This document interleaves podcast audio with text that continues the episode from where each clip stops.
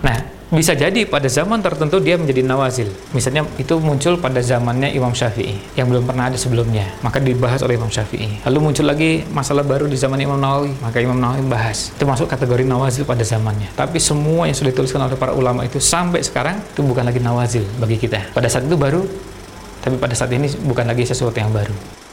Assalamualaikum warahmatullahi wabarakatuh. Wa nastaghfiruh wa na'udzu billahi min syururi anfusina wa min sayyiati a'malina. May yahdihillahu fala mudhillalah wa may yudlil fala hadiyalah. Wa asyhadu an la ilaha illallah wahdahu la syarikalah wa asyhadu anna muhammadan abduhu wa rasuluh. Allahumma salli wa sallim ala nabiyina Muhammad wa ala alihi wa sahbihi ajma'in amma ba'd. Sahabat teras dakwah rahimakumullah Ramadan 1441 Hijriah ini menjadi momentum bagi kita untuk banyak belajar. Belajar dengan semua keterbatasan, tapi juga bukan berarti apa yang kita dapatkan jadi terbatas. Dengan semua keterbatasan yang ada, kita harus tetap berupaya agar hasil yang kita dapatkan bisa optimal. Nah, kalau kita ingin melihat dari apa yang sedang terjadi sekarang ini, kemudian beberapa waktu sebelum Ramadan, sebetulnya banyak hal yang bisa kita jadikan kesempatan untuk kita belajar. Saya ingin mengangkat satu bahasan yang eh, ini sekaligus mengajak pada semua kita untuk terus belajar dan jangan berhenti belajar. Saya ingin mengenalkan dengan bahasan yang berhubungan dengan namanya fikih kontemporer atau fikun nawazil dalam bahasa Arab namanya fiqhun nawazil. Fikih kontemporer. Nah, bahasan ini kebetulan bagi sebagian ini adalah momentum pertama kali bertemu dengan kejadian seperti ini. Bukan cuma yang usianya baru belasan tahun, yang usianya 30 tahun pun, 40 tahun, 50 tahun, bahkan mungkin 60 dan seterusnya, bisa jadi inilah momentum pertama kali dalam sejarah kehidupannya ada kejadian seperti ini.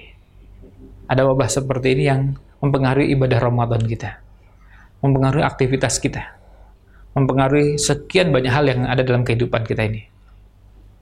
Sholat tarawih, puasa, sholat lima waktu, dan seterusnya, suasananya betul-betul berbeda dengan sebelumnya. Nah, saya tidak mempersoalkan atau membahas tentang hasil keputusan atau hukum yang diambil karena sudah ada lembaga yang lebih kompeten. Ada Majelis Ulama Indonesia, ada Majelis Tarjih di Muhammadiyah, ada Bahtul Masail di PBNU, ada Dewan Syariah di Wahda Islamiyah, dan ada sekian banyak lembaga-lembaga, termasuk ustadz-ustadz yang selama ini sudah kita kenal sebagai ustadz yang banyak mengisi ruang-ruang dalam pembahasan-pembahasan yang berhubungan masalah-masalah syariat seperti ini. Nah, bukan itu yang ingin kita uh, bahas, bukan pada kesimpulan akhirnya, tapi yang lebih ingin saya angkat adalah pada bahasan yang berhubungan dengan bagaimana kita membahas bahasan-bahasan yang berhubungan dengan fikih nawazil seperti ini. Karena membahas fikih nawazil seperti ini ada kaidah-kaidah ada tahapan-tahapan, ada rambu-rambu yang perlu dijalani supaya pembahasannya benar. Ketika kita bicara tentang fikun nawazil, maka kita harus memahami bahwa fiqh an-nawazil itu artinya kejadian yang terjadi di zaman sekarang dan itu baru membutuhkan bahasan hukum. Jadi ada tiga komponen. Tiga komponen dalam yang namanya nawazil atau masalah-masalah kontemporer. Yang pertama, bahwa dia baru, eh, maaf, dia terjadi. Yang pertama, ini ada kejadian, ada peristiwa, ada masalah, dan itu kejadian betul. Bukan orang berandai-andai. Misalnya begini, seandainya nanti kalau ada kondisi begini maka kita akan begini. Nah, itu bukan. Itu bukan fikir nawazil. Kalau fikir nawazil itu bahasannya eh, sekarang nih kejadiannya. Nah, kalau itu baru seandainya muncul, maka iftiradot seperti ini yang dikenalkan di, oleh para ulama, ini biasanya sebagai turunan dari sebuah bahasan. Kalau begini maka akan begini. Atau akan begini. Jadi ada dua kemungkinan. Nah, kalau ada dengan dua kemungkinan ini maka masing-masing nah itu yang dinamakan iftirodot atau uh, seandainya terjadi begini akan begini. Tapi kalau fikih nawasi kita bicara tentang sesuatu yang terjadi sekarang dan betul-betul ada sekarang. Betul-betul ada sekarang nih. Jadi baru ada di zaman sekarang atau ada beberapa waktu yang lalu dan perlu dibahas sekarang. Nah, unsurnya bahwa dia terjadi dan yang kedua baru. Baru artinya apa? Dulu belum ada. Kalau dulu sudah ada, tentu kita tinggal buka buku, selesai. Misalnya sekarang kalau kita bicara tentang motoharo, sholat, puasa, zakat, haji, apa yang diungkapkan oleh para ulama sejak dulu sudah ada, sudah tersedia. Mau cari di buku fikih, alhamdulillah sudah tersedia. Mau cari bahasan apa? Misalnya bicara tentang sholat subuh, kemudian bicara tentang kunut subuh itu sudah ada sejak ratusan tahun yang lalu sudah ada bukan masalah baru sudah lebih dari seribu tahun yang lalu sudah pernah ada yang membahas. Jadi bukan masalah baru. Maka dia bukan dikategorikan fikih nawasil berbeda dengan kalau kita bicara tentang masalah-masalah baru. Wudhu tayamu mandi kemudian sholat gerhana kemudian adzan yang diubah ketika ada hujan yang turun dan hujan deras, kemudian jamaah dipersilahkan untuk sholat di rumahnya masing-masing, dan sekian banyak masalah itu sudah ada. Nah, bisa jadi pada zaman tertentu dia menjadi nawazil. Misalnya itu muncul pada zamannya Imam Syafi'i yang belum pernah ada sebelumnya. Maka dibahas oleh Imam Syafi'i. Lalu muncul lagi masalah baru di zaman Imam Nawawi, maka Imam Nawawi bahas. Itu masuk kategori nawazil pada zamannya. Tapi semua yang sudah dituliskan oleh para ulama itu sampai sekarang itu bukan lagi nawazil bagi kita. Pada saat itu baru, tapi pada saat ini bukan lagi sesuatu yang baru. Nah, jadi selain itu terjadi, yang kedua baru ada unsur kebaharuan. Lalu yang ketiga membutuhkan bahasan hukumnya membutuhkan bahasan hukum, bagaimana hukum syariat membahas masalah itu. Nah, di sinilah kenapa muncul namanya fikih nawazil. Karena membutuhkan bahasan, membutuhkan ulasan, dan itu perlu dijawab, ya, perlu dibahas. Gitu. Ya. Nah, ini alasan kenapa muncul namanya fikih nawazil. Nah, dengan komponen dari pengertian fikih nawazil seperti ini, maka kemudian kita bisa masuk ke bahasan berikutnya bahwa ketika kita membahas fikih nawazil seperti ini, fikih kontemporer seperti ini, paling tidak ada tiga T atau dalam bahasa Arabnya tiga huruf ta ya, yang perlu dipahami supaya kita bisa membahas bahasan itu dengan benar. Ini tahapan yang perlu kita kenali dalam membahas fikih nawazil supaya pembahasan kita ini terstruktur dan cara membahasnya benar. Karena bisa jadi ada ulasan yang disampaikan, kaidah syariat yang digunakan, dalil yang dihadirkan, tapi ternyata ada bagian yang berkaitan dengan gambaran tentang persoalan yang tidak didapatkan dengan utuh. Akhirnya pemahamannya jadi keliru. Dan ini kita bisa lihat pada beberapa tulisan yang sempat muncul dan sempat beredar di media sosial. Misalnya, eh, ada yang keberatan dengan ajakan untuk tidak berangkat ke masjid. Nah, kalau mencermati tulisannya, dengan 3T ini kita akan melihat kekeliruannya di bagian mana. Ada kekeliruannya dengan gambaran tentang persepsi. Gambaran tentang wabah ini seperti apa sih? Bisa jadi pada saat membuat tulisan itu, informasi yang sampai kepada yang bersangkutan belum memadai. Informasinya baru terbatas. Maka kemudian muncul pernyataan, ini ketakutan yang berlebihan. Nah, ukuran berlebihan dan tidak itu seperti apa? Ya, ukuran yang berlebihan itu seperti apa? Nah, ini yang jadikan pertimbangan untuk menilai itu. Maka 3T ini perlu kita kenali supaya kita belajar bagaimana memahami bahasan ini. Nah, tentu kita juga prihatin ketika ada sebagian yang ketika menyikapi seperti ini tidak punya basic ilmu syar'i, lalu kelewat berani menilai beberapa orang yang punya kompetensi di bidang-bidang ini, lalu memberikan tanggapan-tanggapan negatif. Bahkan pernyataan-pernyataan yang berlebihan. Tiga ini apa saja? Yang pertama, tasawur. Yang pertama adalah tentang gambaran persepsi yang ada berkaitan dengan bahasan ini berkaitan dengan bahasan ini. Ya, gambarannya seperti apa? Jadi gambaran yang dimiliki itu seperti apa? Nah, ini yang pertama. Ini jadi persoalan. Karena gambaran ini bisa jadi ketika orang mendapatkan gambaran yang tidak utuh, pemahaman dan kesimpulannya pun tidak utuh. Ada kaidah yang atau ungkapan yang sering disampaikan oleh beberapa ulama al hukmu ala syai'i far'un an tasawwurihi. Hukum terhadap sesuatu itu sangat bergantung pada persepsi orang tersebut tentang sesuatu.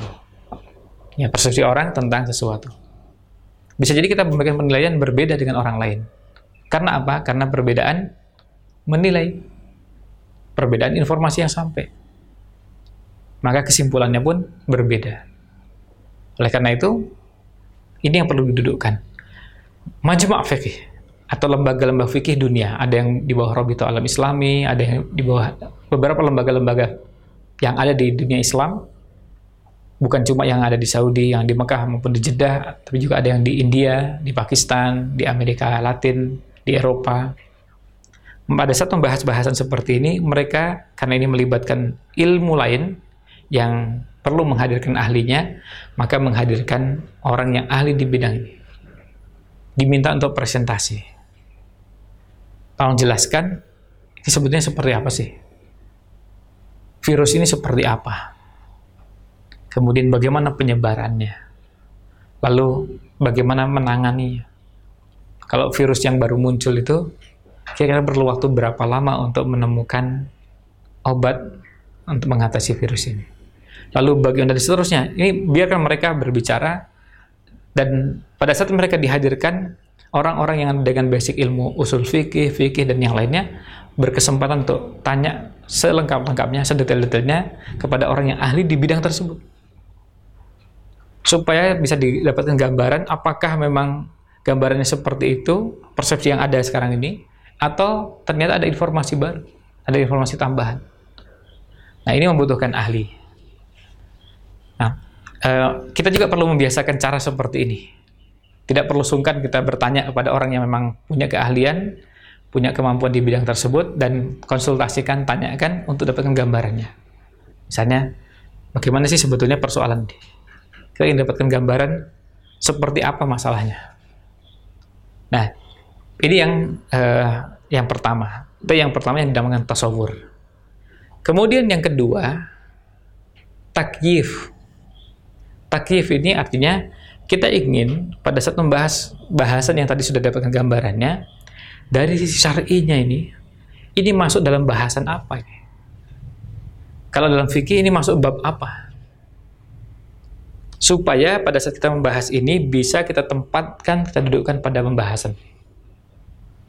Ini yang kita dudukkan.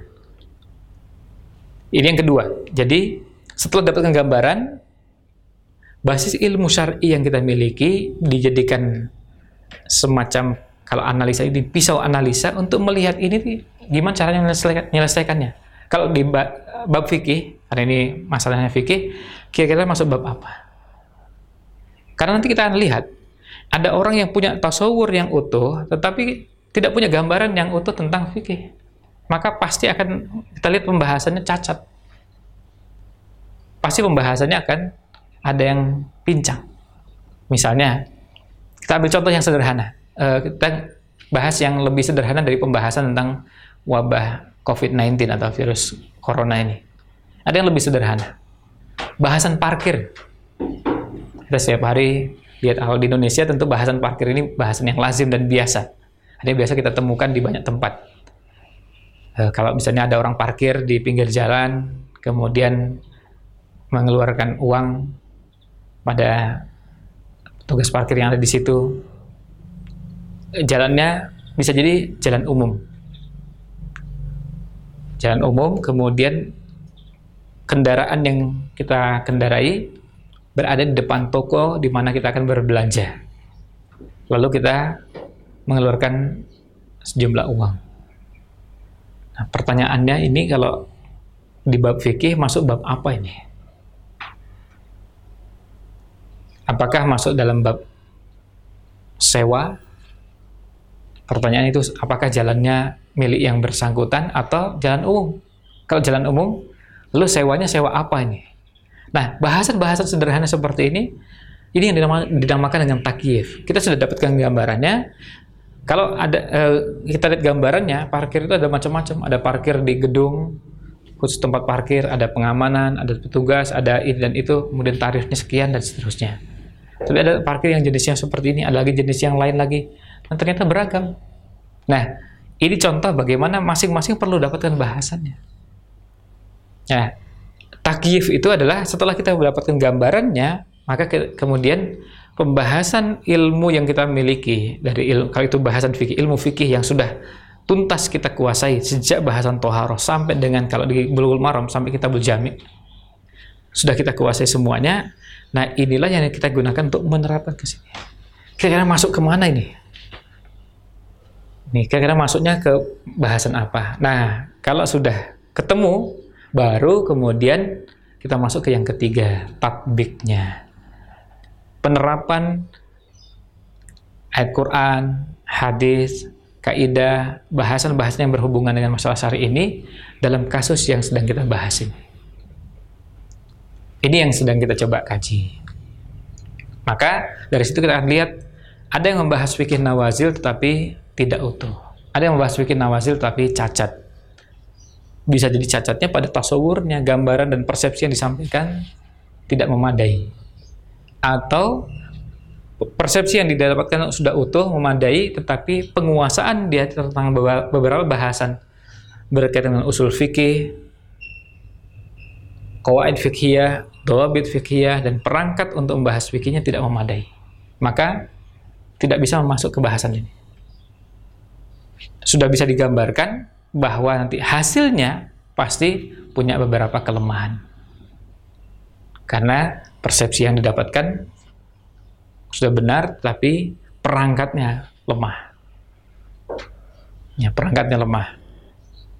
Ya, perangkat itu perangkat yang lemah tadi bisa jadi lemah itu karena memang penguasaan usul fikihnya, lemah di penguasaan qaid fikihnya, lemah di penguasaan dobit fikihnya, lemah di penguasaan Qur'annya, hadisnya, pemahaman terhadap ayat Qur'annya, sebabun nuzulnya dan ini itunya sehingga pada saat membahas bahasan itu ada dalil yang terabaikan. Ada dalil yang tidak digunakan. Karena tidak menguasai dalil. Atau ada kaidah yang tidak diterapkan. Mengedepankan satu kaidah, melepaskan kaidah yang lain. Atau mengabaikan kaidah yang lain. Nah, inilah gambaran bagaimana perlunya kita menghadirkan cara belajar yang benar membahas bahasan bahasan fikih nawazil. Nah, ini bisa jadi sebagai bentuk semacam pengantar bagaimana kita memahami persoalan-persoalan yang ada. Karena kalau rumusnya, kaidahnya sudah benar, perbedaan pendapat yang ada lebih sederhana. Ketimbang memang kaidahnya sejak awal sudah berbeda. Cara memahaminya berbeda. Artinya cara memahaminya dengan bagaimana penerapan Qur'annya, hadisnya, penerapan kaidah fikihnya, kaidah usulnya, dawabit fikihnya memang betul-betul tidak ada dan tidak hadir pada saat membahas bahasan itu. Akhirnya kita akan temukan pembahasan yang kadang-kadang terasa unik atau bahkan terasa lucu bagi orang yang pernah membahas bahasan tersebut. Ada logika, ada narasi yang aneh dan tidak pernah dikenalkan oleh para ulama yang membahas bahasan ilmu tersebut. Misalnya, tidak pernah diungkapkan oleh para ulama fikih atau ulama usul fikih dan yang lainnya. Nah, ini uh, terkait dengan bahasan fikih nawazil. Mudah-mudahan fikih kontemporer yang pengantarnya barusan kita sampaikan bisa membantu kita untuk membahas persoalan-persoalan yang mungkin muncul di hadapan kita, persoalan yang mungkin muncul di tengah-tengah kehidupan kita yang mungkin saja akan ketemu masalah-masalah baru. Kemarin sudah ada masalah apa masalah, sekarang ada masalah lagi, besok ada masalah baru lagi, dan bisa jadi masalah baru ini tidak akan pernah ada habisnya. Tapi yang penting bagi kita adalah bagaimana kaidah-kaidah tersebut dikuasai dan dipahami dengan benar sehingga kita bisa melangkah dengan benar. Demikian, mudah-mudahan ada manfaatnya. Mohon maaf jika ada yang kurang berkenan. Wallahu a'lam. Wassalamualaikum warahmatullahi wabarakatuh.